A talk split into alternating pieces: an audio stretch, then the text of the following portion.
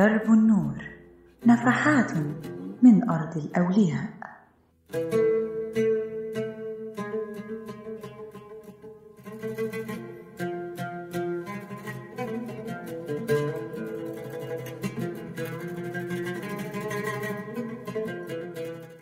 أهلا بكم وحلقة جديدة من برنامج درب النور نفحات من أرض الأولياء. أنا محمد الهواري وهكون معاكم النهاردة في حلقة خاصة جدا.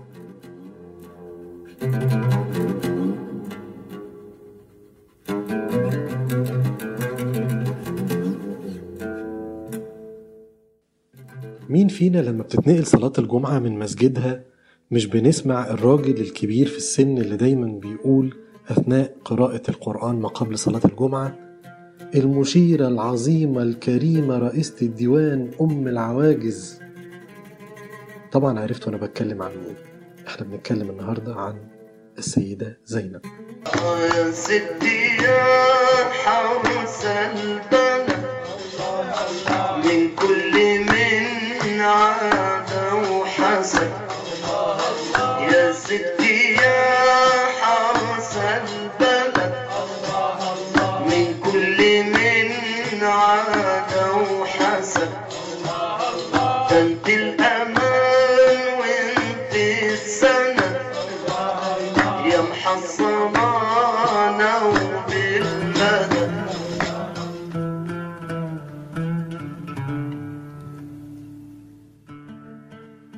يا آل بيت رسول الله حبكم. فرض من الله في القرآن أنزله. يكفيكم من عظيم الفخر أنكم من لم يصلي عليكم لا صلاة له. أبيات شعر قالها الإمام الشافعي رحمه الله. كان بيتكلم فيها عن فضل آل بيت رسول الله صلى الله عليه وسلم. من ضمن الألقاب اللي بتقول لها دايما هي كريمة اليد أصيلة الجد ليه يا ترى بيتقال الكلام ده؟ ستنا السيدة زينب ولدت سنة ستة هجرية جدها رسول الله صلى الله عليه وسلم وجدتها السيدة خديجة والدها سيدنا علي بن أبي طالب كرم الله وجهه ووالدتها فاطمة ابنة رسول الله صلى الله عليه وسلم وشقيقاها الحسن والحسين سيدة شباب أهل الجنة. تهافت على خطبتها خيرة شباب قريش. سيدنا علي بن أبي طالب اختار لها عبد الله ابن جعفر ابن أبي طالب. وأنجبت منه أربع ذكور وفتاتين والذكور هم علي ومحمد وعون الأكبر وعباس.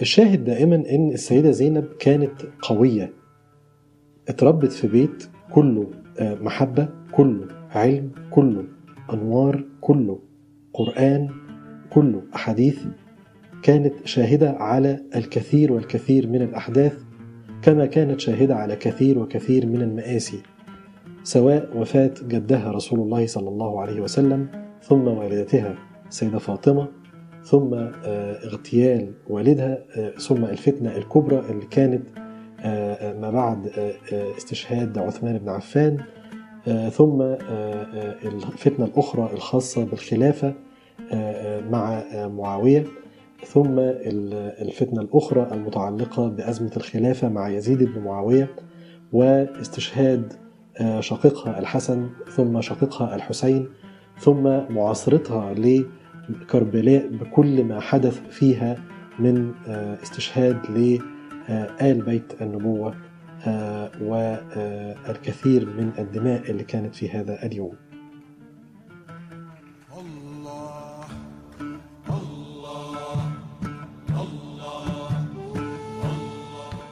في وصف السيدة زينب بيقو- بيقول الطبري آه، نقلا عن اللي شافوها في كربلاء وكأني أنظر إلى امرأة خرجت مسرعة كأنها الشمس طالعة فسألت عنها فقالوا هذه زينب بنت علي.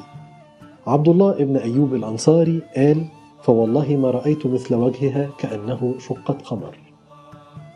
ويقال طبعا إنها بعد كربلاء وصلت إلى مصر وكانت في الخامسة والخمسين. بالمناسبة الأوصاف اللي أنا بحكي لكم عنها دي كانت وصفها وهي في الخامسة والخمسين. مما يدل على جمالها الشديد. في الفتنة اللي شهد اللي شهدتها السيدة زينب واللي انتهت بأن شقيقها الحسن رضي الله عنه تنازل لمعاوية عن الخلافة. حصل في الوقت ده أن معاوية ذكر سيدنا علي بن أبي طالب ونال من سيرته وغلط في حقه.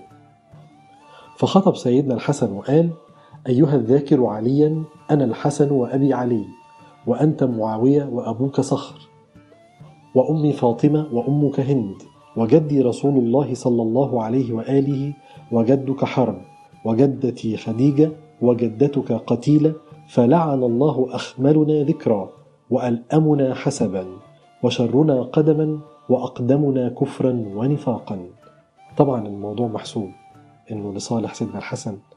وكأننا بنقرأ الآية رقم 61 من سورة آل عمران وبيقول فيها ربنا سبحانه وتعالى بسم الله الرحمن الرحيم فمن حاجك فيه من بعد ما جاءك من العلم فقل تعالوا ندعو أبناءنا وأبناءكم ونساءنا ونساءكم وأنفسنا وأنفسكم ثم نبتهل فنجعل لعنة الله على الكاذبين.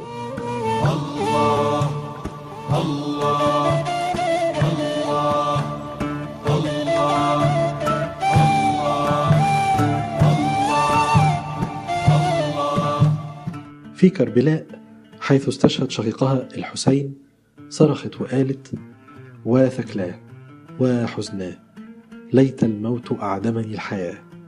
يا حسيناه يا سيداه يا بقية أهل بيتاه.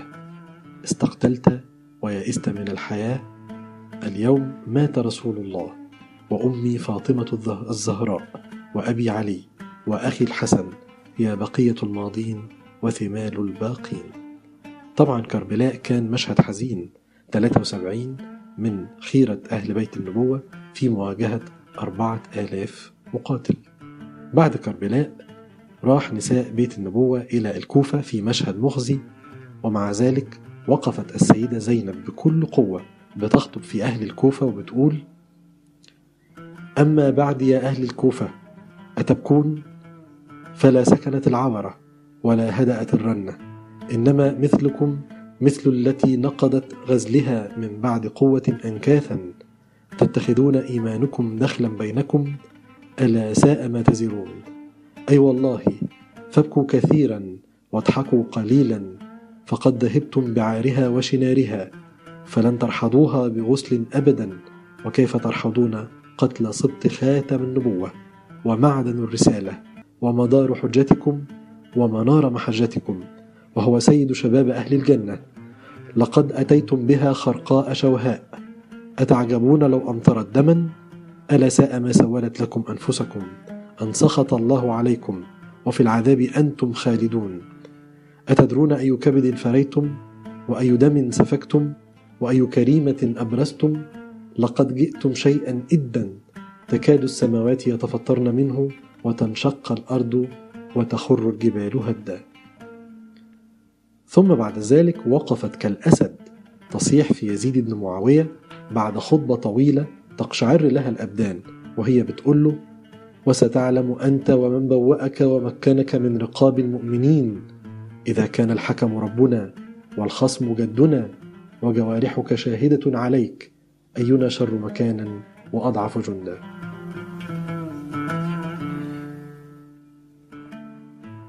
وصلت مصر فيما بعد سنة 61 هجريا وزي ما قلت لحضراتكم كان عمرها 55 سنة وأقامت في دار منحها لها الوالي. والحقيقة إنه أهل مصر استقبلوها استقبال كبير جدا وعاشت وسطهم. يمكن ما عاشتش وسطهم أكتر من سنة سنة ونص لأنها توفت بعد كده سنة 62 هجرية بعد ما كانت بترعى ابن شقيقها علي بن الحسين أو زين العابدين اللي اتكلمنا في قصته من حلقتين. بكده بتكون انتهت حلقتنا النهاردة من برنامج درب النور. نلتقي في حلقات أخرى.